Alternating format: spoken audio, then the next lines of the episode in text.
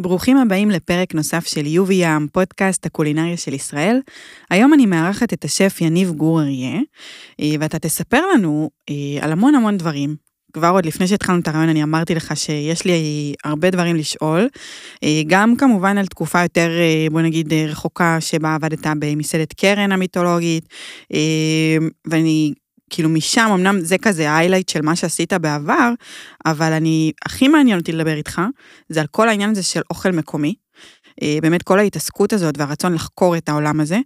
אה, יש לך גם חברת נחלאות שבבעלותך, אה, ואתה גם השף התפעולי של שטראוס, שזה נושא בפני עצמו, שהוא יכול להיות, אה, אותי הוא מאוד מסקרן. אה, וגם אתה עושה ארוחות מדהימות בריש לקיש, אני כמובן הייתי בבית עבד אה, ריש לקיש. אה, אז אנחנו נבין רגע בכלל איך הכל שם אה, התחיל והתממש למשהו היום. ושנייה לפני שמתחילים, שבוע הבא, ב-26 לשלישי, מתקיימת הארוחה שתכננתי לכם עם השף אורן אסידו. אה, מזכירה למי שנרשם שבשעה שבע באותו יום תתקיים במסעדה ההקלטה של פרק הפסקת ים יחד עם דין ופנדה. אה, אז מי שנרשם ורוצה יכול להגיע, לצפות בהקלטה ולהשתתף. אה, אני משאירה גם את הלינק להרשמה בתיאור של הפרק. אם נשארו מקומות, אפשר גם להירשם. נתחיל.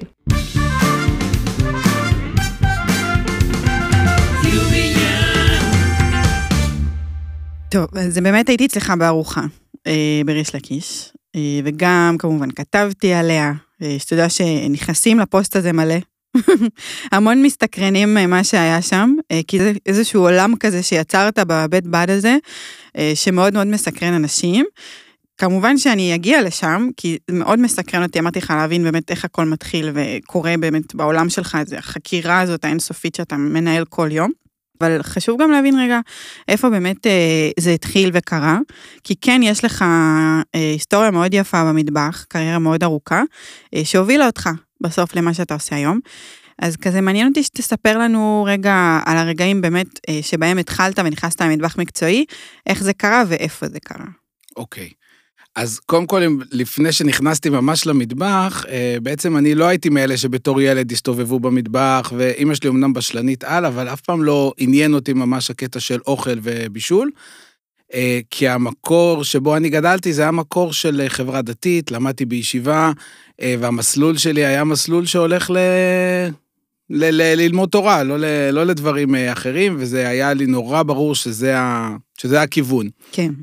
ואז איפשהו באזור גיל 18-19 אה, התחיל איזשהו חיפוש אה, פנימי מאוד אה, חזק, ונפל לידי איזשהו ספר שעד היום אני קורא לו קצת התנ"ך שלי, שנקרא חיים כמשל, של פנחס שדה, והייתי קורא אותו בשקיקה, ופתאום אמרתי, אוקיי, כאילו, אני צריך לחשב מסלול מחדש, כאילו, כל החיפוש שלי עד עכשיו היה לא נכון, ואני צריך לצלול לתוך החיים. כאילו, הרגשתי שעד היום לא חייתי ממש את החיים עצמם, ועכשיו אני כאילו צריך לעזוב את כל הספרים, לסגור, לצאת, ולצלול לתוך, ה, לתוך החיים, ושמה לחפש.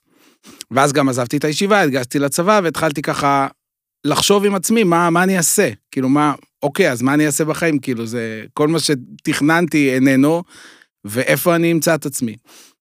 ונורא היה לי ברור שאני רוצה ליצור, לעשות משהו שהוא יצירתי, אבל לא היה לי שום מושג באיזה אופן ובאיזה אפיק. ואז איכשהו, בדיוק באותה תקופה, נחשפתי קצת לעולם הזה של האוכל, זה קרה בצורה ממש אה, אקראית.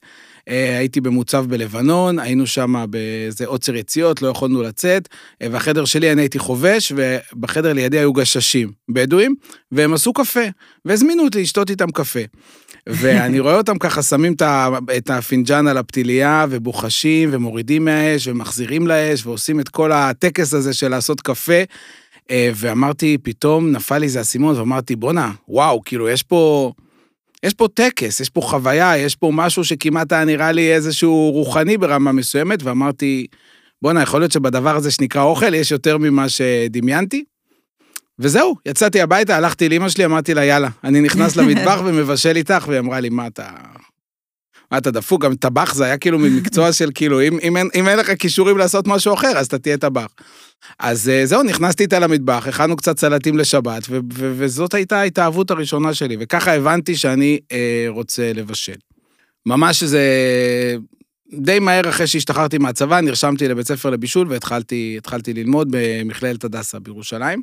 Mm-hmm. ופשוט התאהבתי בזה. כל דקה פנויה הייתי מבשל דברים הזויים לחלוטין, בטח היום הייתי חושב שזה איום ונורא, אבל ממש מספרים, מדמיון, ממה שלמדתי מאמא שלי, ממה שלמדתי מדודות שלי, ממה שלמדנו בבית ספר, כאילו הכל היה במין טראנס כזה של בישול. ואיכשהו נתפס לי כבר אז שאני רוצה להתעסק במטבח מקומי.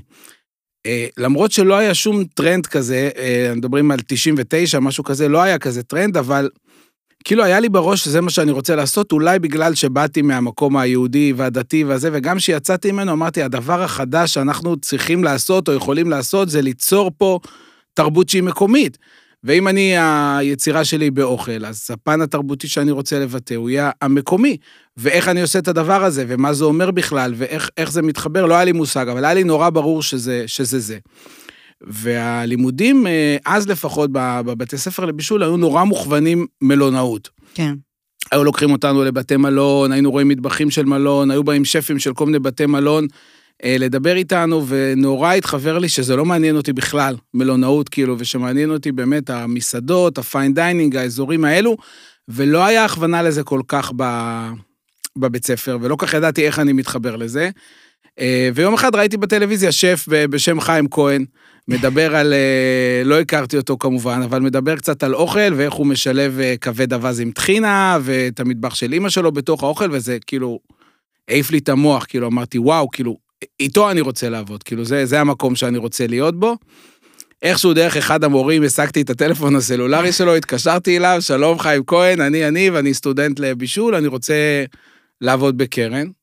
אה, לא יודע, נראה לי לא יודע אם הוא היה מקבל הרבה טלפונים כאלה אז, אבל זה היה הסיפור, ואז הוא אמר לי, טוב, זה הטלפון של הסושף שלי, גולן, תקשר אליו ותקבע ראיון. תספר רגע על המסעדה. אה, טוב, לקרן היו כל מיני תקופות, אבל בתקופה שאני הגעתי אליה, זה באמת היה תקופה של המון המון התעסקות עם החיבורים המקומיים. אה, אני זוכר שכבר כשבאתי לשם לראיון עבודה, אז הסושף קצת התעכב ואיחר, והוא אמר לי, תחכה לי פה, ישבתי, והיה ליד את התפריט של המסעדה, אז פתחתי אותו, קראתי אותו, זה היה כמו לקרוא שיר מבחינתי, כאילו אמרתי, בואנה, כאילו, כבד אווז עם תפוח אדמה של מדורה ועלי רשד, צלעות טלה עם טחינה ועדשים ובמיה ודברים בתוך תפריט של מסעדה, שאז כל התפיסה של fine dining זה היה הכל צריך להיות צרפתי, ופתאום כאילו הוא עושה אחרת.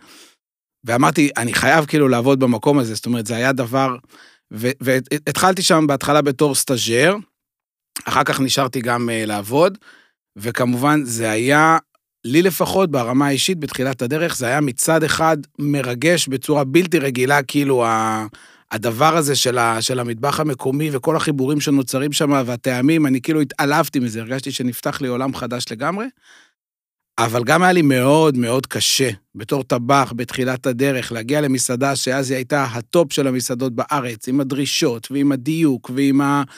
אה, היה לי קשה, זה לא, זה לא, לא, לא זרם לי אינטואיטיבית, כאילו באתי בלי שום ידע וזה היה לי מאוד אה, קשוח, אבל עד היום אני כאילו, השנה הזאת שביליתי שם, כמה שהייתה קשה וחטפתי צעקות והיו מאוכזבים ממני במלא דברים, ועדיין כאילו מבחינתי זה היה אחד הדברים שהכי עיצבו אותי, כאילו, ואני מוקיר תודה לכל הדבר הזה עד היום, מאוד. יפה. אה, טוב, מעניין אה, באמת אה, להתחיל לשם את הדרך, וזה גם מאוד מתחבר להמשך הסיפור שלך, כל ה... מה שהם עשו שם במסעדה, אני חושבת שזה מאוד עזר לך עוד יותר להתחבר למקום שרצית להגיע אליו בסוף. כן, אתה גם מבין שזה אפשר, שזה יכול לקרות, כאילו, כן. לא עשו את זה כל כך, כאילו, ופתאום אתה נחשף שעושים את זה, זה היה מרגש. ובאמת, אז אתה נמצא שם שנה, ומה קורה אחרי השנה הזאת? אה, אני באותה תקופה, אני גדלתי הרי באזור ירושלים, גרתי בבית שמש, באותה תקופה הייתי נוסע כל יום אה, ליפו לקרן, ואז כאילו אחרי השנה שהייתי שם אמרתי, אוקיי, נעשה משהו קצת יותר אה, קרוב הביתה, והתחלתי לעבוד ב, בירושלים. אה, עבדתי בירושלים בכמה מסעדות, עבדתי עם אביב משה בנביאים 54, ועבדתי בעוד כמה מסעדות שכבר לא קיימות ב, בירושלים. אה, עשיתי שם תקופה של אה, כמה שנים בכל מיני תפקידים במטבח. ואז בדיוק התחילה התקופה של, ה, של הפיגועים של האינתיפאדה השנייה, אה, ופשוט ביום אחד כל, ה, כל המסעדות בירושלים התרוקנו. כאילו זה היה ממש עצוב, ופתאום אין עבודה, מקצצים בשעות, סוגרים חלק מהמסעדות, כאילו אתה מבין ש... וזו הייתה תקופה מאוד ארוכה, ופיגועים ואוטובוסים, ואתה מבין שאין אה, יותר מה לעשות ב, בירושלים, כאילו. כן. וזה היה קצת עצוב, אז שם עבדתי כמה שנים. ואז אה, רציתי לעבור ל- לתל אביב, וסיפרו לי על איזשהו שף שיש לו חברה שעושה אה, סדנאות כאלה בישול בכל מיני מקומות, בחדרי מורים, בוועדי עובדים, בכל מיני כאלה. אה, ואמרתי, יאללה, בוא נלך לראות, כאילו, אולי יהיה לי שם איזה אקסטרה נחמדה. אה, ומצאתי את עצמי עובד בחברה הזאת אה, כמעט שלוש שנים. מבשלים חוויה קראו לה, זה לא היה איזה משהו מי יודע מה מבחינה קולינרית, אבל זה כן נתן לי איזה בסיס ש, שאני עד היום מעריך אותו של אה, עבודה עם קהל, עבודה עם אנשים, אה, התארגנות על אה, דברים. נפתחתי גם דרך העבודה שם לכל העולם הזה של אירועים פרטיים, של סדנאות, של כאלה. אז, ותוך כדי עשיתי גם, עבדתי בתור טבח בכל מיני אירועים, בקייטרינג, בדברים כאלה, אבל זה היה מין תקופה שקולינרית היא הייתה יחסית חלשה, אבל היא הביאה לי ערכים, ערכים אחרים בחיים. כן. זהו, אחר כך אה, אה, עבדתי בפ- בפורשף, בלגעת באוכל, במקומות של סדנאות בישול, שהתחלתי לעשות קצת סדנאות שהן יותר אה, מקצועיות, ובאמת לעבוד עם אנשים, ללמד וכאלה. אה, ואז הציעו לי תפקיד של אה, שף באיזושהי מסעדה אה, קטנה במושב, איפשהו בעמק חפר. היום זה כאילו מושב בעמק חפר, זה אחלה מקום לפתוח מסעדות, אבל אז זה כן. היה כמו הזיה, ובאתי ועשיתי מטבח ש... מה ש... איך שהבנתי מטבח אז, של מקומי ופיין וזה בתוך האזור הזה. לא בטוח כמה הקהל היה, היה פתוח לדבר הזה אז, זה לא החזיק מעמד הרבה זמן, ספארקס, ספארקס קראו למסעדה הזאת. אה, מי, כאילו, איך באמת אה, קורה כל ההגעה לשם, למסעדה כזאת בעמק חפר, מה היה הרעיון מאחורי זה? אה, מישהו שלמד אצלי באיזשהו אה, סדנת בישול, וככה התחברנו, והוא היה מנהל המסעדה שם, הוא נדלק עליי, והוא אמר לי, תשמע, מישהו פתח מסעדה, והוא קצת הלך לאיבוד, מחפש כיוון, מחפש להבין מה לעשות, ובוא בוא תראה אם אתה יכול אה, לתת יד שמה. ובאתי ונדלקתי על זה, פתאום יש לי מטבח, אני יכול לעשות מה שאני רוצה, יכול לעשות איזה אוכל שאני רוצה, וזה היה מאוד מגניב. ו... והקהל שבא גם מאוד התלהב, אבל, אה, אבל אה, לא היה המון קהל, בעיקר לא באמצע שבוע, וזה החזיק מעמד לתקופה יחסית קצרה. כן. אה, אבל זו הייתה ההתנסות הראשונה שלי ממש בכאילו לעבוד עם צוות ולנהל אותו, משהו ולדעת שהוא כאילו... שלך. מה, כן, גם לעשות אוכל שלי וגם באמת להפעיל אנשים. יפה. אז באמת, אתה נמצא שם תקופה, זה היה עדיין לפני שהתחיל כל הגל הזה, לאזור השרון, לצפון, לכל האזורים היותר חדשניים שקורים היום. בדיוק. אה, אז קיבלתי הצעה מאוד מסעדה שנפתחה באזור יוקנעם, גם כן, איכשהו אני תמיד מגיע לחורים. אז, אה, אז כן, גם כן היה, הם רצו לעשות מסעדת שף באזור התעשייה פארק הייטק של אה, יוקנעם, ובאתי והצטרפתי לדבר הזה, בהתחלה בתור יועץ, אחר כך נשארתי גם בתור השף, ועשינו שם מסעדה בשם ג'אפרו, שרצה, אני ראיתי שם כמעט שנתיים. אה, היה לנו קצת אה, באסה שפתחנו בשיא ההייפ, ושבועיים אחרי שפתחנו הייתה ההתמוטטות ההיא של ענף ההייטק, וכל מממ. הפארק הזה שנבנה שם מסביב קצת התעכב. זה גם קצת הקדים את זמנו, אבל אה, עשינו שם אוכל, לדעתי, בג'אפרו, שגם היום, אם היית שם אותו בתל אביב, הוא היה רלוונטי, ואני מדבר פה 2008, 2009, משהו כזה. אה, מאוד אה, נכנסתי אז לכל העולם של המטבח המולקולרי ולחיבור של אה, כימיה ביחד עם אה, יצירה בתוך המטבח, זה מאוד עניין אותי, סקרן אותי. זה היה מאוד חזק אז בעולם, לא הרבה אנשים עשו את זה בארץ, אז, אז היה דברים שמאוד התעסקתי בהם. אה, וגם באמת השילוב של מקומי וחומרי גלם וחיבורים של מטבחים אה, אתניים לתוך המטבח. אה, חלק מהטבחים שעובדים איתי עד היום, חלק מהחברים הכי טובים שלי עד היום, אה, התחברנו באותה תקופה, וזה היה שנתיים אה, באמת מדהימות, מלאות ביצירה. בשני המקומות האלה אתה מצליח לשלב את הרצון שלך לשלב אוכל מקומי ואת כל העשייה הזאת ש- שבאמת חיפשת לעשות גם לבד? כן, בעיקר, תראה, בספארקס היה תקופה יחסית קצרה, אבל בג'אפרו זה היה כמעט שנתיים, אז היה שם ממש הרבה זמן לעשות דברים אה, מעניינים, ו... מהמם. גם הביקורות היו טובות, הגיע קהל, בעיקר הגיע קהל מאזור המרכז, בסופי שבוע, בדרך לטיולים, בדרך למקומות, ו... וזה היה מאוד חזק, כאילו, זו הייתה חוויה מאוד חזקה, וגם ה... ה... היכולת לבנות צוות, לעבוד איתו ולהבין איך אתה, איך אתה עושה את הדבר הזה, זה היה אה, מאוד מעניין בשבילי, כי אני כאילו קצת אה, דילגתי על, על שלבים ב... ב... בכל הקטע של ללכת לסטאז'ים ולחו"ל ולמקומות כאלה, דברים שהיום אולי אני אומר, בואנה, הייתי צריך לעשות אותם. אבל אז היה לי כל מיני סיבות אה, ותירוצים, חלקם וחלקם סיבות אמיתיות למה לא לעשות את זה, ו...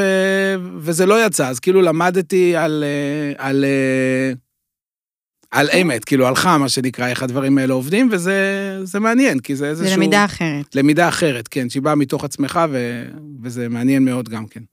יפה, ובאמת אתה נמצא שם אז שנתיים, ומה קורה בסוף התקופה הזאת? Uh, בסוף התקופה הזאת רציתי קצת לחזור לאזור מרכז, התעייפתי uh, מהנסיעות, ואז הציעו לי להיות שף של אולם אירועים בהדר יוסף, uh, בשם סטוקו אירועים. ואמרתי, מה לי, כל החיים אני מנסה להתחבר רק לפיין ולזה, מה לי ול, ולאולם אירועים. מקום שעושה ארבעה אירועים ביום, אמנם לא אירועים עצומים, אבל עדיין כאילו מקום שמאכיל אלפי אנשים, איזה 12 עובדים, טבחים, מחסנים גדולים, כאילו ואמרתי, בואנה, זו ההזדמנות שלי רגע ללמוד איך, איך לנהל מערכת גדולה. זאת אומרת, כבר לא מטבח של מסעדה, 50 סועדים, חמישה, שישה טבחים, אלא באמת כאילו משהו ש, שאתה צריך כל הזמן לנהל אותו מול מנכ"ל, ומול אה, שיווק, ומול פודקוסט, ומול מחסן, ומול... וכל הדבר הזה אתה צריך לנהל, כאילו, זה, זה התנסות מדהימה מבחינתי, ובוא ננסה, מה יכול להיות? מקסימום אני אכשל ויפטרו אותי. אבל אה, לשמחתי הרבה זה היה די הצלחה, זאת אומרת, הצלחנו באולם אירועים גם לשפר מאוד את הרמה של האוכל, גם... ליצור צוות מאוד מאוד אה, איתן. אה, עשינו אז, אחד התנאים שלי, התנאי שלי כשנכנסתי היה, חוץ ממשכורת וזה, לא מעניין, אני אה, מוכן לעשות רק בתנאי שאני בונה פה גם מחלקת קונדיטוריה. כי אה, באולם אירועים היה צריך לעשות הכל מן הסתם כשר ופרווה, ולא היה אז קינוחי פרווה בארץ, והכל היה, היו קונים מבחוץ מכל מיני קונדיטוריות כאלה, קינוחים של מרגרינה ו- וקצפות ריץ' וכאלה, אמרתי, אין מצב. אני אמצא דרך לעשות אה, פר וטעים בקינוחים, וזה התנאי שלי. ולשמחתי הבעל הבית זרם איתי, ועשינו אז אה, קינוחי פרווה מדהימים, אה, חדשניים, והקונדיטור שהיה לי אז, הוא אחר כך היה גם שותף שלי, והוא גם אחד החברים הטובים שלי עד היום, יש לו קונדיטוריה, שזה מה שהיא עושה היום, מייצרת קינוחי פרווה לאירועים, לקייטרינג, ג'ורדי קוראים לה, והוא עושה דברים מטורפים, שהרבה מהם גם התחילו מדברים ש, שעשינו אז. זה, ו... זה תפיסה מאוד יפה אה, שכבר אז ראית את זה, כי עכשיו יש את המגמה הזאת של להתייחס לקינוחים הכשרים, הפרווה טבעוניים, איך שתקרא לזה. אה, אז זה יפה שכבר אז היה לך את הראייה שאתה חשוב לך, שזה יהיה ממש מחלקה כמו שצריך, מסודרת, שמוציאה קינוחים ברמה, ולא, אתה יודע, איזה משהו כזה נכון, קודם כל כי, כי בסוף הקינוח הוא מרכיב חשוב בדבר, ואתה לא נכון. לא יכול לזלזל, ואז, והמון שנים, עכשיו זה קצת אה, נסגר, הרמה של הקינוחים היא לא התקדמה באותו לבל כמו הרמה של האוכל, וגם הסיפור של מקומיות וזה שהלך נורא חזק באוכל, בקינוחים נשארנו עם השוקולד, נוגת, קפה וזה. אז, אז קודם כל רציתי לתת כבוד לדבר הזה שנקרא מנות אחרונות, ולדעתי זה חלק מהעבודה של שף. אני תמיד אומר, הקונדיטורים הכי טובים הם אלה שהיו טבחים. כן. כי הם באים מהטעם ולא רק מהקישוטים. וחוץ מזה, אני מאמין שבסוף, כשאומרים לך פרווה או טבעוני או כל מיני כאלה, זה סתם כותרות. כאילו, אם אתה רוצה לעשות אוכל טוב, אתה יכול לעשות אוכל טוב, כאילו, לא צריך להתחבא מאחורי תירוצים, אבל אתה צריך לחשוב על זה נכון. אתה רוצה קרם, אז בוא תבין מה זה קרם, מה בונה מרקם קרמי, איך קרם נוצר. עכשיו, כשיש לך את הידע להבין מה זה, בוא קח את החומרים שיש לך ותבנה את זה מהם. אז אתה מבין שקרם זה שומן ונוזל באיזושהי אמולסיה. אז אוקיי, אז יש לי שומן בשקדים, יש לי שומן בחלבה, יש לי שומן בשוקולד, יש לי שומן באגוזים, ויש לי נוזלים איפה שאני לא, לא, לא מסתכל, יש נוזל, אפילו מים, בוא תחבר אותם בצורה נכונה ותיצור קרם. אתה לא חייב לקחת קצפת ריץ' בשביל לעשות את זה, כן. או, או מרגרינה. וזה היה בעצם התפיסה, ואני חושב שזה, ש, שזה כן מלווה אותי עד היום, הרעיון של בוא תחקור, ומתוך ההבנה תיצור, ולא סתם. יפה.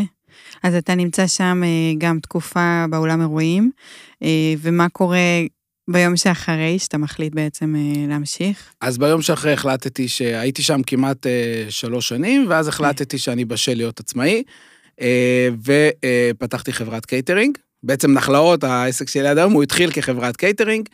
אה, והיה לי גם כן אה, מזל, כי אז אה, אולם אירועים בהרצליה בשם דופלקס, של, מקבוצת הבנדיקט, הם פתחו אולם אירועים בהרצליה, שהם תפעלו אותו, והם רצו בעצם קייטרינג ש, שיפעיל את המקום מבחינת האוכל, מבחינת הקולינריה, ונפגשנו, עשיתי להם קצת מנות, בישלתי להם, והתחברנו מאוד, ונוצר סיטואציה שהם מאוד אהבו את האוכל שלי, ואז ככה קיבלתי כבר...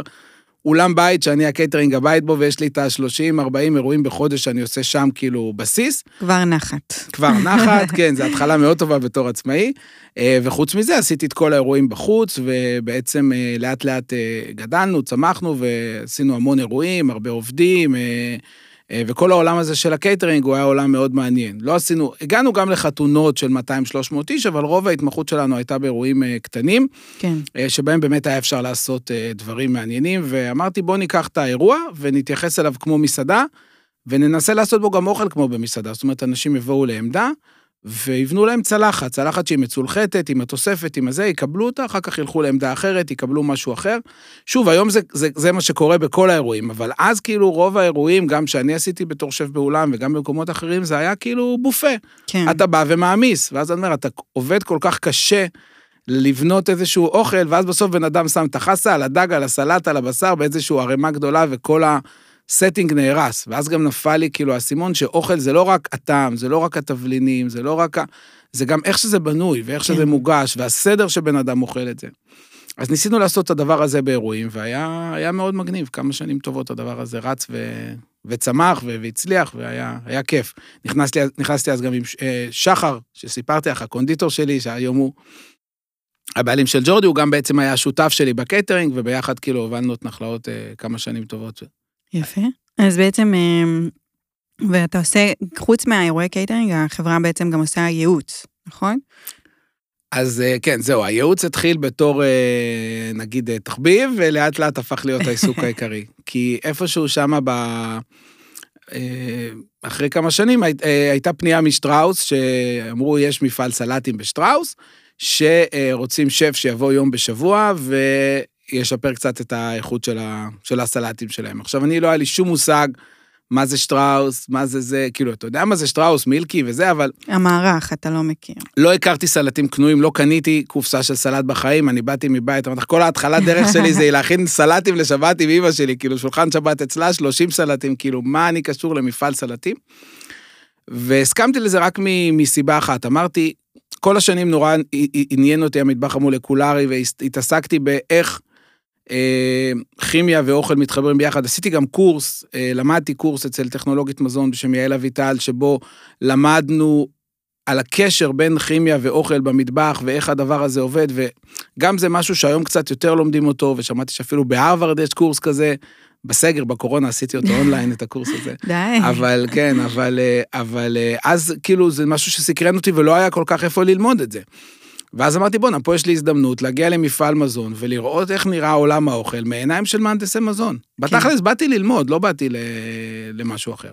נכון. וזהו, באתי ליום בשבוע, ו-to make a long story short, זה נהיה פשוט סיפור אהבה ש... שנמשך עד היום, כאילו, זה פשוט התחבר. האמת שזה תחום שמאוד מאוד מעניין אותי לשמוע אותך מדבר עליו, אה, כי לא היה פה איזשהו סיפור על אה, שותפות כזאת בין חברה מאוד גדולה כמו שטראוס, אה, לבין שף שעברת כזה הרבה תחנות בדרך, וניסית גם אולם אירועים וגם מסעדות וגם אה, סדנאות, אה, כזה הכל מהכל, כבר אתה יודע בערך אה, כל מיני תפקידים של טבחים, שפים, לאן אפשר להתברג, וזה כבר נראה לי ממש היילייט, כאילו להיכנס לחברה כמו שטראוס ולהתחיל לעשות שם כל מיני שינויים ועדכונים ולסדר להם קצת את התפריטים של המוצרים שלהם. אז באמת, קודם כל, מעניין אותי, עכשיו באמת, זה עבר מיום אחד בשבוע, אני מניחה קצת יותר אולי התעסקות. היום נגיד, מה היקף העבודה שלך איתם? היום, קודם כל, לגבי הקטע שזה לא היה מקובל, אז, אז קודם כל זה באמת היה משהו מאוד מוזר. זאת אומרת, לא היו שפים בחברות מזון, וגם אם היו, הם התעסקו בעיקר עם השוק המוסדי, לא שהם מתעסקים עם המוצרים בסופר. והייתי צריך אפילו להסביר לאנשים, כאילו, אם אתה שף, אז מה אתה קשור לחברה כמו שטראוס וכאלה, שהיום זה יותר מובן. אני חושב שזה קודם כל מתחיל מזה, ואם יש פה משהו שאני אומר בכלל לטבחים זה, קודם כל תבין מה החוזקות שלך. איפה אתה טוב ואיפה אתה פחות טוב. עכשיו, בתחילת הדרך שלי כמובן חלמתי על מסעדה, כי כל טבח בתחילת הדרך חולם על המסעדה שלו, שתהיה שלו, והוא יעשה בה את הדברים שהוא רוצה וכאלה. ובאיזשהו שלב אתה מתחיל, אתה חייב לאפיין במה אתה טוב. ואני הבנתי שבמסעדנות אני לא אהיה טוב. זאת אומרת, אם אני עכשיו אהיה מסעדן, לא קשור כשף, יכול להיות שף מצוין במסעדה, אבל בתור מסעדן, זה לא החוזקה שלי. אני לא אהיה טוב, וגם אם אני עושה אוכל מעולה, יש אנשים שעושים מסעדנות הרבה יותר טוב ממני. הבנתי כן. את זה. ואז אמרתי, במה אני כן טוב? אני טוב בלהעביר ידע. יש לי ידע, אני יודע איך להשתמש בו, ואני יודע איך להעביר אותו הלאה, ואני יודע איך לייצר חיבורים. ואמרתי, אם אני טוב בידע ובחיבורים, אז בוא אני אמצא ג'וב שבו אני אוכל להשתמש בחוזקה הזאת, במקום למכור אוכל, אני אמכור ידע, ואני עם הידע הזה אנסה לעשות דברים. ו- ואתה גם צריך להבין שעולם האוכל הוא נורא נורא נורא רחב, זה לא רק או מסעדה או אירוע או זה. ו... תשתמש במה שאתה יודע. ובסוף, בסוף, כולם עושים אוכל. לא משנה אם אתה מפעל, אם אתה קטרינג, אם אתה בית חולים, אם אתה בית מלון, יש כל מיני רמות, אבל זה הכל אוכל. בסוף אנשים אוכלים את זה, וזה נכנס לגוף שלהם, והם צריכים ליהנות מזה. זאת אומרת, הבסיס הוא אותו בסיס, וצריך לשפר את הכל, וצריך להתייחס להכל באותה גישה. כן. וזה גם משהו של התעשייה, אמרתי, בוא'נה, אתם תעשיית מזון, אז תתייחסו לזה כמזון, ותעשו את זה כאוכל, ואז אולי אנשים גם יאמינו יותר כשהם יבינו שמישהו פה עושה אוכל ומנסה לעשות אותו טוב. אז זה הסיפור.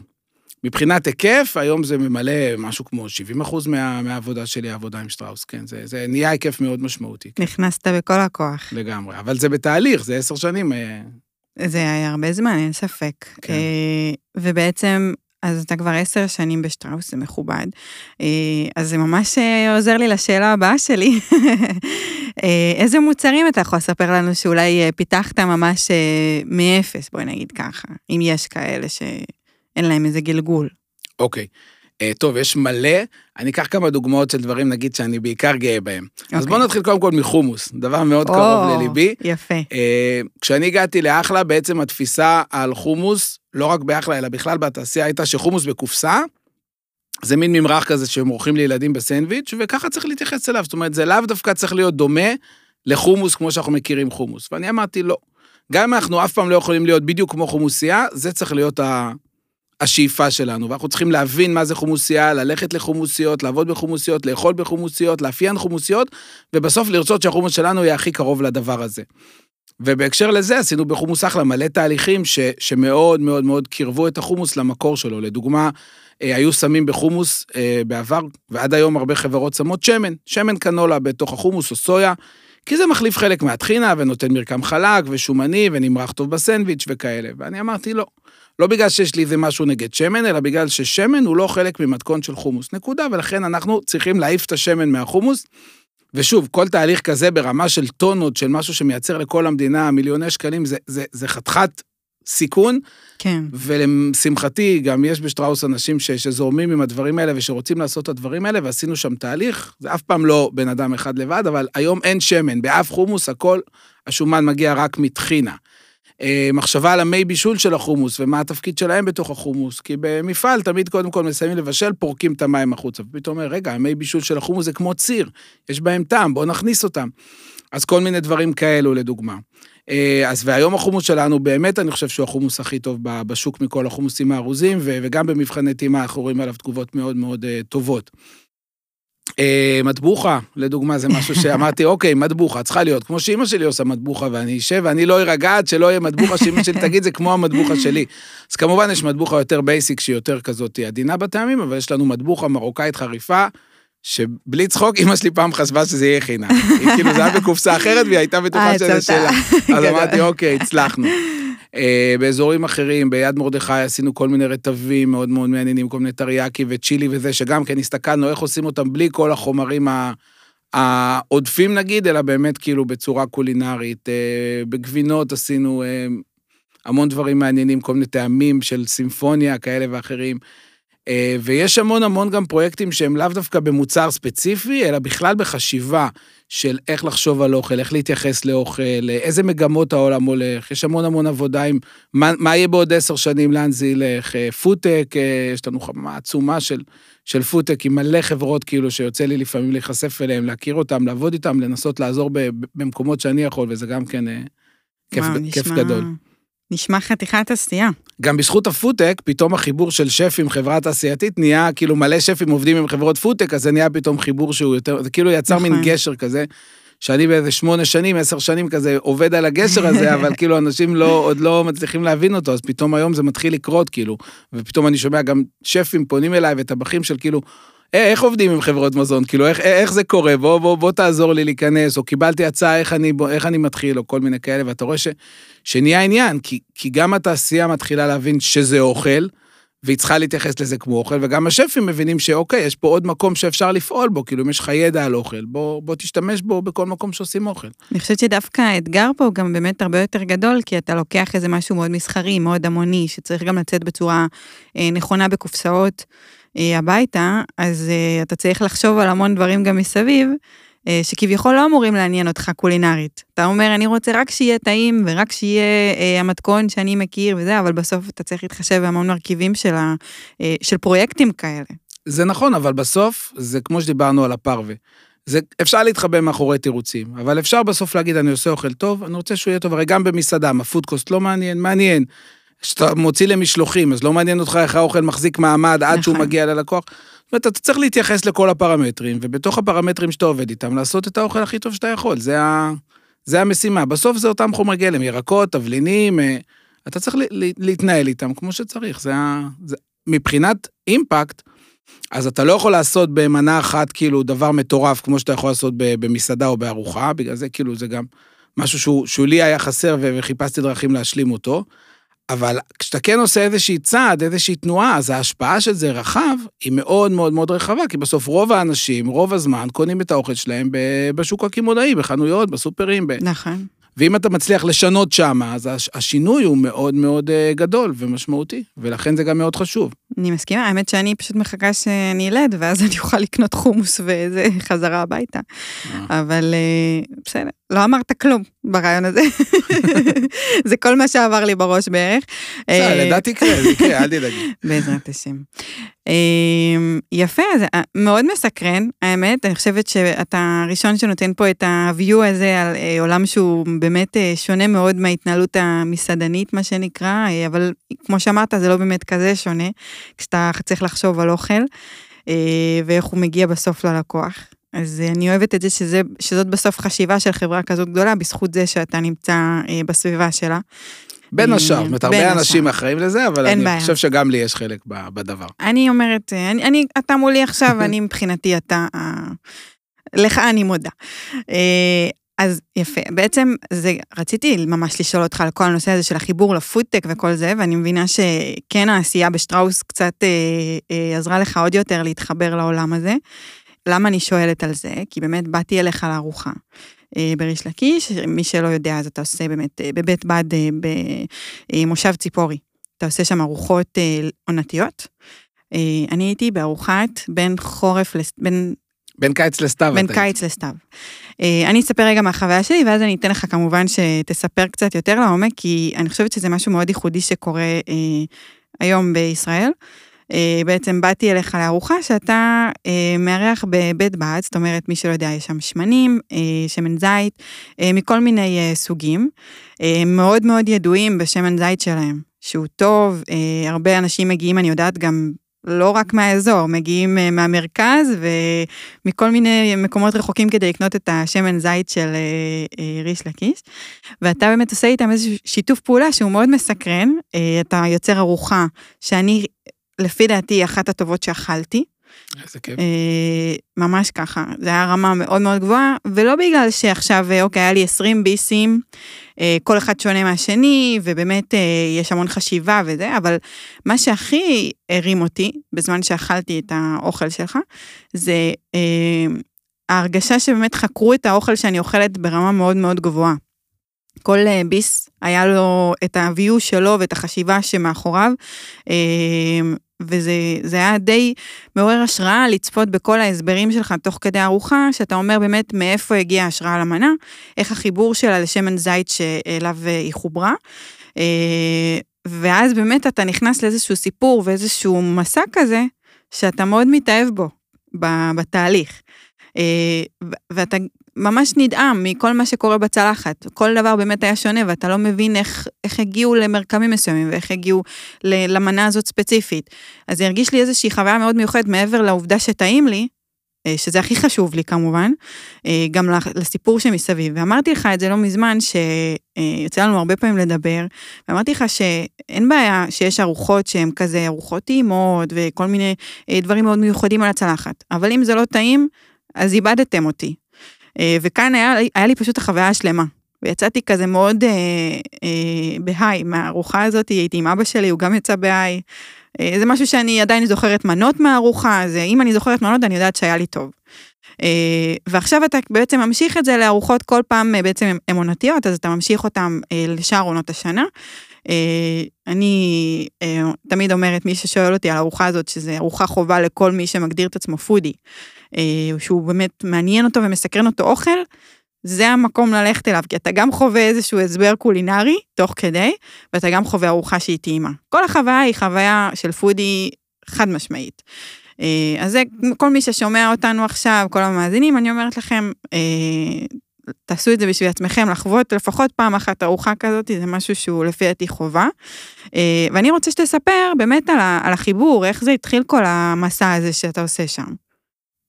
אוקיי, okay, אז קודם כל, זה התחיל גם מצורך אישי שלי, זאת אומרת, כמו שאמרתי, יש את העבודה ב, ב, בתעשייה שיש לה המון המון אה, יתרונות ואימפקט, אבל היה לי גם חסר הפן הזה של לחזור רגע לבישול בקטנה. והייתי עושה פה ושם ארוחות פרטיות, אבל יש משהו בארוחות פרטיות שזה כאילו מזמין מישהו אחד, מזמין אותך לעשות את כל הארוחה, זה לא אותו דבר כמו ארוחה פתוחה שבן אדם אשכרה בא ונרשם ובא בשביל האוכל, לא בגלל שיש יום הולדת או מה או מי ו... וחיפשתי את, ה, את המקום, את הפלטפורמה שאני אוכל לעשות את זה, אבל בתוך היתר העיסוקים שלי. זאת אומרת, לא שאני עכשיו צריך לעזוב הכל ולעשות רק את זה. כן. והרבה זמן לקח לי כדי למצוא את הלוקיישן, כי כמו שאת קצת אמרת, ארוחת טעימות בסוף, יש קונספט של ארוחה שאתה מזמין מתפריט, שזה דבר אחד. ארוחת טעימות היא מאוד מאוד שונה, כי ארוחת טעימות היא צריכה להיות סיפור. היא לא יכולה להיות רק רצף של ביסים טעימים, או איזשהו מפגן יכולת של שף שאומר, זה הדברים הכי טובים שאני יודע לעשות, אז אתה מפספס את הרעיון של ארוחת טעימות. ארוחת טעימות היא צריכה להיות סיפור עם התחלה, עם אמצע, עם סוף, וההתחלה צריכה להיות קודם כל אפילו ברמה של המקום שאתה מגיע אליו, איך הוא נראה, ומה הוא נראה, ומה הוא משדר. והיה לי מאוד מאוד חשוב גם למצוא את הלוקיישן, כאילו, המותאם לדבר הזה. ושוב, כמו הרבה דברים בחיים, החיבור עם ריש לקיש קרה במקרה, אמנם הם בציפורי, אני בטבעון, זה לא רחוק, אבל לא הכרנו, ונפגשנו והתחברנו. קודם כל התעלפתי מהשמני זית, שהם באמת בעיניי ליגה אחרת מכל שמן זית אחר ש, שטעמתי בארץ, ויש פה שמנים מעולים, אבל באמת תמיד אומר, יש שמנים מדהימים ויש ריש לקיש, כאילו, זה עולם אחר. גם מהאיילה עצמה בריש לקיש, האישיות שלה, ומאוד התחברנו, כי היא גם כן בדיוק במקום הזה של המקומי והעונתי, וה, אבל גם כן לא ממקום דוגמטי שאומר זה טוב וזה רע, שמחלק את זה כאילו זה בסדר, זה לא בסדר, אלא באמת ממקום לומד, חוקר, שואל שאלות, סקרן. אה, לפעמים יכול לתת גם במה לדבר שהוא פחות מסכים איתו, אבל הוא מעניין אותו. אז, אז יש שיח והתחברנו מאוד, ו... ככה, ככה מתוך השיח לאט לאט נולד הדבר הזה ש, של הארוחות האלה שהן בעצם נותנות במה גם למקום שהוא מהמם, הוא יפהפה, הוא בתוך גן פורח, המבנה עצמו בנוי מבוץ וקש וכאילו אתה, אתה נכנס וכאילו כל, ה, כל המקום כבר משדר איזושהי אווירה מאוד של מקומיות. ובתוך הדבר הזה בעצם משתלב מאוד הרצון שלי לעשות את המטבח, את המטבח המקומי כמו שאני רואה אותו. אז, אז מהמקום הזה נוצר החיבור, בהתחלה זה היה איזו ארוחה חד פעמית. ואז היה ביקוש לעוד ארוחה, ואז היה ביקוש לעוד ארוחה, אבל אז כבר עבר זמן, ואתה אומר, רגע, העונה השתנתה, אני כבר, אם אני רוצה מטבח עונתי, אני לא יכול להגיש שוב את אותו תפריט, אז... וככה דבר הוביל לדבר, וזה נהיה מין אה, מסורת, ואנחנו בעצם כל חודש עושים שתי ארוחות, ארוחות אה, פתוחות, ואנשים נרשמים, וזה באמת ממלא, ממלא אותי באושר גדול, כאילו, האפשרות לעשות את זה. תראה, זה נותן לך את ה, באמת האופציה, כמו שאמרת, לשלב את העשייה עם ה... עם התעשייה שהיא מאוד כזה אה, סכמטית אולי אפילו, אני לא יודעת איך תקרא לזה, אה, למשהו שהוא מאפשר לך יותר אפילו לבוא, להביא את היצירתיות שלך לידי ביטוי. מה שאני מאוד אהבתי גם זה השילוב באמת של הפודטק וכל החברות שאתה אה, משלב בארוחה שלך, נגיד זה משהו שהייתי מאוד רוצה שתספר על החיבור ואיך נגיד ממנה של, היה שם את המנה של העוף שאני זוכרת, נכון? של עוף לולו. נכון. אז את זה אני זוכרת שזה היה עם אה, חיבור אה, של חברה כאילו שהיא מקומית, או נגיד, אה, טוב, זה, אני מפחדת לספר על זה. מה, על החגבים? על החגבים. על כל הקטע שאתה בכלל, זה, זה ממש עשית עלינו ניסוי, כאילו הבאת חגבים לארוחה. רוצה לספר על זה רגע? בשמחה. קודם כל, אני, בבסיס שלי, אני מאוד מאוד אוהב חיבורים. אני כאילו, ב, אני קורא לזה, יש לי מנטליות של חוזר בשאלה. מה הכוונה? השאלות יותר מעניינות אותי מהתשובות. זאת אומרת, אני סקרן לראות, ללמוד דברים, לחבר דברים, גם אם אני לא יודע בוודאות איך זה מתחבר. וכמו שבבסיס שלי באתי מעולם אחד ועברתי לעולם אחר, אז ככה גם ביומיום שלי אני נע בין התעשייה לבין היצרנים הכי הכי קטנים, בין ה fine dining לבין האוכל בסופר, וזה בסדר לי, כאילו, אני אוהב לחיות ככה עם, עם החיבורים האלה. אז גם בתוך האוכל עצמו, כשאני בא להסתכל על מטבח מקומי, אני מסתכל על כל מיני נדבכים שלו. אני לא מסתכל רק על המסורות העתיקות ועל הליקוט, שזה גם דברים שאני מאוד מחובר אליהם, אבל אני אומר, מטבח מקומי זה גם מה קורה היום. כאילו, האהבה שלנו לחדשנות, הפודטק, שזה משהו שהוא מטורף והוא קורה בארץ בהתפוצצות, כאילו, אני לא חושב שיש איפשהו צבר של יצירה בפודטק כמו, ש, כמו שיש פה, וזה קרה כאילו ב, בכלום זמן, כאילו בעשר שנים. היה, אני זוכר, הכנס פודטק הראשון ששטראוס עשתה עם החממת פודטק, זה היה באודיטוריום של החברה בפתח תקווה, עם איזה כמה עשרות אנשים, והיה כמה שולחנות בחוץ, שאנשים הציגו את ה... וזהו, עשר שנים עברו והכנס השנה היה בהיכל התרבות, וואו. עם אלפי אנשים מכל העולם, זאת אומרת, העולם הזה של הפודטק הוא פורח.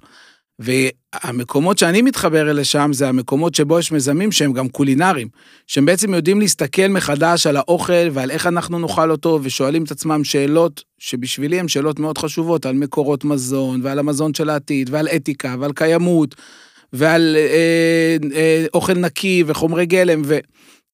זה מטורף לראות, וכשאתה מתחבר ליזם כזה, שהוא בא עם כל העוצמה הזאת שלו, ואתה מצליח לחבר לתוך הדבר הזה גם את הפן הקולינרי, אז זה בסוף הווין ווין, כי כמו שאת אמרת, אם זה לא טעים, אתה יכול לספר סיפורים עד מחר, אבל הסיפור עובר דרך הפה.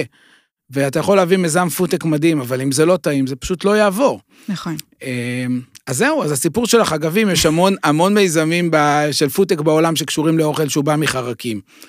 כי יש משבר חלבון, ואנחנו צריכים גם להפחית קצת באכילת בשר, ובסוף חרקים זה מקור מאוד טוב לחלבון.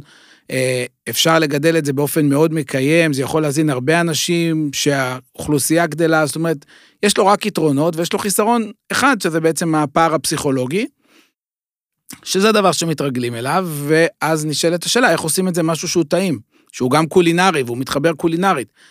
אז בגלל זה נגיד כל מיני מיזמים שעושים כל מיני אבקות מחלבון חרקים כדי להחביא את זה בתוך לחם, בתוך מאפינס, בתוך זה, מגניב, אבל זה לא מה שמרגש אותי. אותי דווקא ריגש הקטע שאפשר לקחת את, ה, את החגב הזה כמו שהוא, ולשים אותו על צלחת ולראות איך הוא מתחבר קולינרית.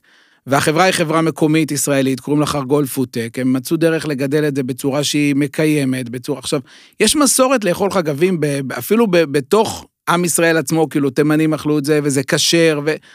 וזה פרווה, זאת אומרת, זה, זה כאילו נמצא בתרבות שלנו, אבל זה נעלם. ואז אתה אומר, אוקיי, אני לא אלך ואאסוף חגבים בטבע, כי אתה לא יודע מה הם אכלו ואיך הם אכלו, ונקיים ולא נקיים, ופה הם באמת מצאו דרך לגדל את זה בצורה מקיימת, בצורה מסחרית. מדהים, כאילו, וזה, ואתה אומר, אוקיי, בוא אני אקח את הדבר הזה ויחקור אותו, ואז הכנסתי את זה למטבח, והתחלתי לעשות עם זה כל מיני דברים. עשיתי מזה גרום, עשיתי מזה מיסו, עשיתי מזה מוקפץ, עשיתי בשמן עמוק, עשיתי ועוד ועוד ועוד.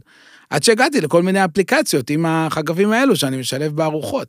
את היית במנה שהייתה הכי ארדקור, שהיו ממש את החגבים עצמם שלמים על הצלחת. יש לי אבל מנות שמשלבות נגיד את הגרום של זה, או כל מיני התססות של זה, שזה גם כן עוד דרך. אבל זה מעניין, זה כאילו שם בפרונט את הדבר שאומר, אוקיי, היום חברות פודטק מתעסקות בזה, זה אומר שאולי עוד עשר שנים, חמש עשרה שנה, זה יהיה מזון שהוא נגיש לכולם וכולם יאכלו אותו, כי, כי זה הסדר שהדברים עובדים. אז כאילו, אוקיי, אתם באתם אליי לחדשנות, להיחשף, אז הנה, תראו מה קורה היום. ובסוף זה יהיה גם מיינסטרים, ככה, ככה אני מאמין. כן, זה בכל הרמות היה, זה היה גם עם למצוא חגבים בצלחת, אבל גם למצוא עוד מרכיבים שהם, אה, או שילובים שהם אה, מפתיעים בפני עצמם. אני יכולה להגיד, אני לא אכלתי את החגב, אבל בשולחן הם מאוד אהבו אותו, מי שאכל, היה, זרם לו הסיפור. תראו, א' הוא טעים, וב' כאילו בסוף, אם אתה מתגבר רגע על המחשבה, זה לא באמת שונה מלאכול שרימפס, זה, זה, זה, זה די אותו דבר. אותו גם לא שרימפס את לא אוכלת, אז כן, אבל... אכלתי אמנם בעבר, אני יודעת את הטעם, אבל אה, כן, יש בזה משהו מעניין. האמת. אז זהו, ולגבי העוף לולו שדיברת, זה אמנם פחות פודטק, אבל אני כן מתחבר גם לסיפור של היצרנים המקומיים, שהם באים ואומרים, אוקיי, אנחנו באנו לעשות משהו יותר טוב, או לעשות משהו אחרת. עכשיו, עוף לדוגמה, זה החיה הכי נאכלת בישראל, החיה הכי אהובה למאכל בישראל, אוקיי? אם אנשים שאוכלים בשר, כל יום שישי בערב וזה על השולחן שבת יש עוף. ויש יחס הפוך בין זה שאנחנו אוכלים את זה כל כך הרבה, לבין זה שאנחנו לא יודעים על העוף שום דבר. כן. יותר קל לדעת מאיפה הגיע הבשר, הבקר, הטלה, הירקות, על העוף, הדגים, על העוף אתה לא יודע כלום, ממש. אתה נוסע בלילה בכביש, ואתה רואה משאיות עם התרנגולות האלה צפופות בפנים, ואתה רואה לולים גדולים, אין לך מושג. ודווקא בגלל זה אמרתי, אני לא מגיש עוף בארוחות שלי עד שאני לא אדע למצוא עוף, שאני יודע מה איתו, ואיך הוא, ומאיפה הוא בא, ואיך התייחסו לתרנגולת, ואיך גידלו אותה, ובאיזה סדר. ו... ופתאום בא המיזם הזה של לולו, והם אומרים, אוקיי, אנחנו, התרנגולות שלנו הם X, אנחנו מגדלים אותם בשיטה שנקראת slow grow, שהן גדלות לאט-לאט, יש להם מרחב, הן גדלות בחוות כאלה וכאלה, באזורים כאלה וכאלה. עוף עם תעודת זהות, ואתה אומר, אוקיי, אני מתחבר לדבר הזה, אז, אז זה עוף שמבחינתי אני אגיש אותו. וא', הוא יותר טעים, אבל גם אם הוא היה בדיוק באותו טעם, יש פה של שיקולים שהם מעבר והם חשובים בעיניי. ובסוף הארוחה באמת אני נותן לאורחים, גם מעבר לתפריט, את הרשימה של כל היצרנים, מגדלים, מהפודטק ועד הירקן ועד... כל מי שחומר גלם שלו השתתף בתוך הארוחה, מבחינתי זה כמו קהילת הספקים של, של הארוחות שלנו, והיא כל הזמן הולכת וגדלה. הבמה היא שלהם, כאילו, אני לוקח את הדברים שלהם ועושה איתם את האחד ועוד אחד שווה שלוש, אבל בסוף, כאילו, אני, הכי חשוב לי לתת קודם כל את הבמה שלהם, שאם אתה מדבר על מטבח מקומי, קודם כל תדבר על יצרנים מקומיים ועל תוצרת מקומית ועל יזמים מקומיים, מכל הסוגים. זה לא כן. לא משנה אם זה חברת פודטק או אם זה משהו הכי לואו-טק שיש. לא, זה, קודם כל, זה כיף לשמוע ש... תראה, סיפרת על זה גם בארוחה, באמת, על העוף לולו וקצת על החיבור לתוך הארוחה. אה, זו הייתה מנה מאוד מאוד טובה. אה, עם העוף. אה, ואתה באמת מצפה לקבל מנה טוב שלא לעוף עליה, ודווקא עפנו עליה מאוד. לעוף על העוף. כן, עפנו על העוף. כן, קודם כל יש לי את הפריבילגיה באמת לעשות מה שאני רוצה, ולעשות את זה גם בצורה עונתית מתחלפת, ובאמת לאט לאט לנסות להבין יותר ויותר לעומק מה זה מטבח אה, מקומי. כי אנחנו מתחילים ממקום שאנחנו אומרים, כשאני התחלתי את הדרך שלי, אז מקומי מבחינתי זה היה, אוקיי, טחינה וחצילים, זה מקומי. אבל אתה חייב לאט לאט להבין ולחקור יותר ויותר לעומק ולנסות לחשוף את הדבר הזה. יש כאלה שבכלל טוענים שאין מטבח ישראלי ושאין מטבח מקומי ושזה לא קיים, אני חושב שהוויכוח הזה, המציאות מכריעה אותו. זאת אומרת, לאט לאט אנחנו רואים שיותר ויותר כש, כששפים נכנסים לדבר הזה וחוקרים אותו ולומדים אותו, ויש שם באמת בארץ שפים מדהימים עם רמת אה, מחקר והבנה והשכלה סופר גבוהה, ונוצרים דברים שאתה אומר, אוקיי, נוצרים פה חיבורים שלא היו נוצרים במקום אחר. אז במובן הזה זה מקומי, בלי להיכנס לא לפוליטיקה ולא לכל מיני שאלות כאלה, אלא פשוט, זה יצירה שקורית כאן. ובואי, כאילו, אין, אין, אין שום דבר אה, יוצא דופן בלעשות, לה, להמציא מחדש את האוכל הצרפתי או היפני או האיטלקי. כן. כי, כי, כי פה אנחנו במקום אחר, אז כאילו, אוקיי, אוכל איטלקי, כשאני נוסע לאיטליה, מה אני מחפש לאכול? אוכל איטלקי, וכשאני נוסע ל, לכל מקום, אני מחפש את האוכל המקומי של אותו מקום. אז הגיוני שכאילו, מה שקורה כאן, לנסות לייצר פה איזושהי יצירה אחרת, שהיא תהיה ייחודית לפה, למקום הזה. ויש כל כך הרבה כאילו מקורות שאפשר לשאוב מהם את זה, ש, שזה פשוט אה, לא הגיוני לא לעשות את זה. טוב, יפה. אני, האמת שאני מרגישה שקיבלתי ממך את כל ה...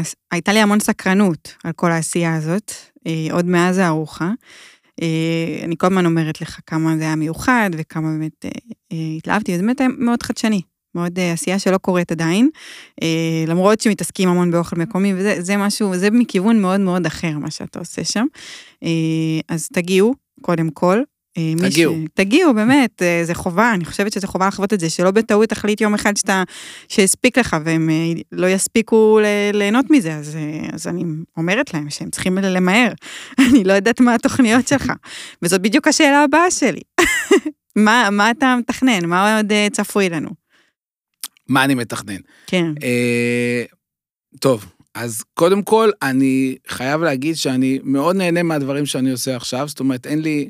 אין לי תוכניות להפסיק עם אף אחד מהם. יופי, כבר טוב. אה, כי, כי, כן, זה גם נחמד להגיע לנקודה בחיים שאתה אומר, אני עושה דברים ו- וטוב לי איתם ואני רוצה להמשיך איתם. אה, אבל כמובן, המטרה היא אה, כל הזמן להרחיב את, ה- את האופקים של ה... גם של החקר וגם דרך זה באמת אולי למצוא כל מיני פעילויות נוספות, שיתופי פעולה נוספים, דברים, מסעדה אני לא אפתח, כאילו, אני יודע את זה, אבל, אבל אה, אין חשש, אבל דברים אחרים בהחלט, אה, יש דברים, המון דברים שאני חושב עליהם, אני רוצה להוציא ספר מתישהו, שזה נורא מסקרן אותי. אני רוצה להיכנס יותר לעומק לעולם הזה של באמת ללמד ולהעביר את הידע. גם הארוחות זה משהו שהוא רץ כבר שנה, זה עדיין לא, לא מספיק זמן כדי לקרוא לזה מסורת, אני רוצה שזה יהפך להיות משהו הרבה יותר... מבוסס ו- וקבוע. אה, וזהו, וזה העולמות ש... שכל הזמן גם, כאילו אני עוסק באותם דברים, אבל כל הזמן קורים דברים חדשים, כי כל הזמן יש אתגרים חדשים ו... וקטגוריות חדשות ועולמות חדשים, אז זה סופר אה, מסקרן אה, מבחינתי. לא, תראה, אני רואה מה אתה מעלה, אתה מעלה המון לאינסטגרם את הביסים שאתה מכין, ואני רואה עד כמה אתה מגוון מאוד בין הארוחות. אז אני בטוחה שזה משתנה, ואתה ככה גם מאתגר את, ה... את החוויה שלך בתוך הדבר הזה, אני מאמינה. אה, החקירה, ההתעסקות עם אה, שותפים מקומיים, אז... אה, כן, הגיוון הוא גם פונקציה של עונתיות. נכון. אני חייב להגיד מילה אחת על עונתיות. כן. שזה דבר סופר מעניין. תקשיבי, בארוחה האחרונה רציתי להגיש קוקטייל עם מיץ קורקום, שגדל בציפורי, בחוות עלעלים, קורקום הכי טעים בארץ, בפער, ורציתי לשלב אותו עם מיץ אגסים. כי בראש שלי, אגסים, זה חורף, זה מבשלים ביין, זה יין מקומי, זה כל מיני, זה, זה יין אה, כזה גלוביין וקריסמיס, וזה אמרתי, אגסים בתפיסה שלי זה חורף. וממש איזה שבוע לפני ארוחה, פתאום אה, אפרת אנזל אומרת לי, תקשיב, אגסים גדלים בקיץ, כאילו, זה, זה, זה לא הגיוני. ו, ואני אומר, אוקיי, בוא נבדוק את הדבר הזה, ופניתי לזה, ואני מגלה, אוקיי, אגסים, קוטפים אותם ביולי, כל מה שיש כל השנה זה כאילו מקירור, ואתה אומר, זה לא מתאים, כאילו, ואתה פתאום מבין שעונתיות, אחד הפערים הכי גדולים זה שאנחנו לא תמיד אפילו יודעים מה העונות של כל דבר. זאת אומרת, אנחנו כל כך רגילים לדבר הזה שיש הכל כל הזמן, שאתה לא מבין כאילו את המשמעות של, של משהו שקורה בעונה שלו. אבל, אוקיי, מהר מהר שיניתי, ובסוף נכנס מיץ של סלק לבן במקום האגסים, אהבתי את זה אפילו יותר. אבל אה, זה הזכיר לי שיובל מעלה עליה אמר לי פעם באוקטובר, באמצע אוקטובר מתחיל לרדת גשם, כל השפים רוצים כרוב. כי יש גשם, אז בואו נגיש כרוב, חורף. כן. אבל וואלה, בשביל לתת לכם כרוב באוקטובר, אני צריך לשתול אותו באוגוסט, עם, ולהשקות אותו יותר, ולדשן אותו יותר, בואו תחכו לדצמבר, ואז תכניסו את הכרוב, כאילו, אבל לא, כי תפריט חורף כותבים באוקטובר. אז אני חושב שאחד הפערים הוא קודם כל להבין בכלל, ואני מרגיש שגם אני עוד לומד את זה, מה בכלל העונה של כל דבר. כי זה שיש את זה כל הזמן, זה לא אומר מה המחיר של זה. זאת אומרת, כדי להביא דברים מחוץ לעונה, יש לזה מחיר. אה, אקולוגי, מחיר בהרבה הרבה מובנים, והחומר גלם בעונה שלו הוא תמיד יהיה גם הכי טוב, גם הכי נכון מבחינת קיימות, וגם קולינרית, אני חושב שזה הרבה יותר אה, טעים לאכול אוכל שהוא מחובר לזמן שלו. העונתיות היא בעצם מחברת, כמו שהמקומיות מחברת אותך למקום, העונתיות מחברת אותך לזמן. ואוכל שהוא מחובר למקום ולזמן הוא אוכל יותר טוב. ולכן כן. כאילו, אני אומר לה, לחבריי בכל הקהילה, בוא נלמד יחד מה בכלל העונות, העונות של כל דבר, כי אני חושב שאנחנו גם שם לא, לא באמת יודעים עד הסוף. זה חשוב, חד משמעית. אני אומר את זה גם לעצמי כמובן, אני כל הזמן לומד. הנה, דוגמה נתת. כן. טוב, תראה, הרעיון הסתיים בעיקרון, אבל כמובן יש פעילות שאנחנו נעשה אותה ממש ממש מהר, כי אנחנו כבר בסוף אה, של הזמן שלנו, כרגיל, אני עד הדקה השנייה האחרונה אה, מושכת, אה, אבל אני על הפעילות לא מוותרת. אה, לא הספקנו על הקורסים לדבר. על הקורסים, תראה, אני מתארת לעצמי שאתה מלמד שם אה, אוכל מקומי ואיך לחקור אותו ואיך לתקשר איתו בסוף, איך להגיע לזה. בגלל זה לא שאלתי, כי נתת פה כל כך הרבה על, על הוויו שלך ועל הדרך שבה אתה מסתכל על אוכל וחוקר אותו, שאני פשוט גם לקורסים, אני מניחה שאם אתם מאזינים לזה, אז תלכו גם, תעברו אצל, תעברו אצל יניב איזה קורס, כי זה, לפי דעתי יש עוד המון ידע שהוא יכל להכניס פה ברעיון, ואנחנו אה, לא, לא הכנסנו, אבל... אה... מרשה לי משפט אחד על זה? יאללה, משפט. יאללה, משפט אחד. בקורסים האלה בעצם מה שאנחנו מתעסקים, זה על הקשר בין אוכל לבין המוח שלנו. זאת אומרת, איך כל החוויה של הסיפור שאנחנו מספרים, מה שאנחנו שומעים, מה שאנחנו רואים, מה שאנחנו תואמים, איך כל הדבר הזה מתחבר ויוצר חוויה. ויש שם המון ידע שאפשר להשתמש בו, אנחנו לא לומדים מתכון אחד, אבל מה זה אוכל ומה זה חוויה של אוכל, זה, זה משהו שאני כל הזמן לומד וחוקר אותו ושמח להעביר אותו הלאה. וזה נורא חשוב לי גם שאנשים שמתעסקים באוכל יבינו גם את, ה, את הצד הזה של, של חוויה קולינרית, ואיך זה מדבר בסוף עם המוח. כי דרך אוכל אנחנו יכולים לעשות הרבה דברים טובים בעולם, וזה בסוף המטרה. לא רק לעשות אוכל טעים, אלא דרך האוכל הטעים, לעשות טוב. יפה. אמ, טוב, עכשיו שתדע, אני עשיתי לך פעילות, זו פעילות לפי דעתי הכי קלה שהייתה פה. איזה כיף. כולם נופלים בפעילות. אז לך נראה לי זו פעילות הכי קלה, אני חושבת שאתה הולך לצלוח אותה ממש טוב. בוא נקווה שאני לא סתם עושה לזה בילדאפ ואתה באמת תצליח. זה שאלות על אה, שמני זית, אה, זנים שונים. Okay. אוקיי. והמקור שלהם. אתה צריך להגיד, נגיד לך את השם, אתה תגיד לי את המקור ותספר ממש באיזה משפט על השמן זית אה, ומה שאתה יודע עליו. הופה, אוקיי. אוקיי. שמן זית קורטינה. קורטינה. כן, קורטינה זה זן שמגיע, אה, נדמה לי, מספרד או מיוון. לא מספרד ולא מיוון. אוקיי, הפלת אותי. כן. אה, קורטינה, אבל איפשהו מהאזורים האלה. בכל מקרה, קורטינה זה השמן זית הכי חזק, עם הטעמים הכי הכי חריפים ומרים. אה, שמן מהמם בעיניי בעיקר לקינוחים. שמים בקינוחים, בשוקולד, עושה עבודה משוגעת. טוב, צדקת בהסבר, אבל אה, היה רשום לי שזה זן איטלקי. איטלקי, נכון, נכון, נכון, איי. נכון, טעות שלי. אה, הרבקינה. ארבקינה. כן. כן, ארבקינה זה זן אה, ממש אה, אה, פירותי, ב, יש לו לפעמים ריחות של עגבנייה אה, בשלה, או של משהו באזורים האלה, שמן מעולה נגיד לסלטים וכאלה, והוא כן מגיע מספרד, נכון. נכון? נכון, כל הכבוד. אה, וקורונייקי. קורנייקי. קורנייקי זה זן אה, יווני, ומבחינתי התכונה הכי בולטת שלו, אולי שמננים יתווכחו איתי על זה, אבל מבחינתי התכונה הכי בולטת שלו זה החמאתיות שלו. יש לו מין חמאתיות כזאת, שאני אוהב לשים אותו על, על מנות שכאילו דורשות חמאה, והוא נותן אה, חוויית חמאתיות מהממת. חוץ מזה, הוא לפעמים יכול לתת גם טעמים ירוקים ורעננים, חדים כאלה. זה קורנקי. יפה. אה, צלחת את השלושה הראשונים, או שניים נוספים, וסיימנו. יאללה. אה, פישולין, פישולין. פישולן. כן, פישולן למיטב זיכרוני מצרפת. נכון. אה, זן מאוד ירוק באופי שלו, כמובן זה נורא תלוי מתי כתבו את הזית ואיך עשו וזה, אבל בשבילי התכונה הבולטת שלו היא הירקרקות שלו. ריחות של עשבים, של דשא, של מאוד ירוק. יפה. ואחרון, זה הכי קל נראה לי יהיה לך, הסורי. סורי. טוב, סורי כבר אתה שומע, בשם שלו זה סורי, זה צורי, זה בעצם מאוד מאוד מהאזור שלנו. אה, זן אה, מאוד חזק, חריף, ארומטי.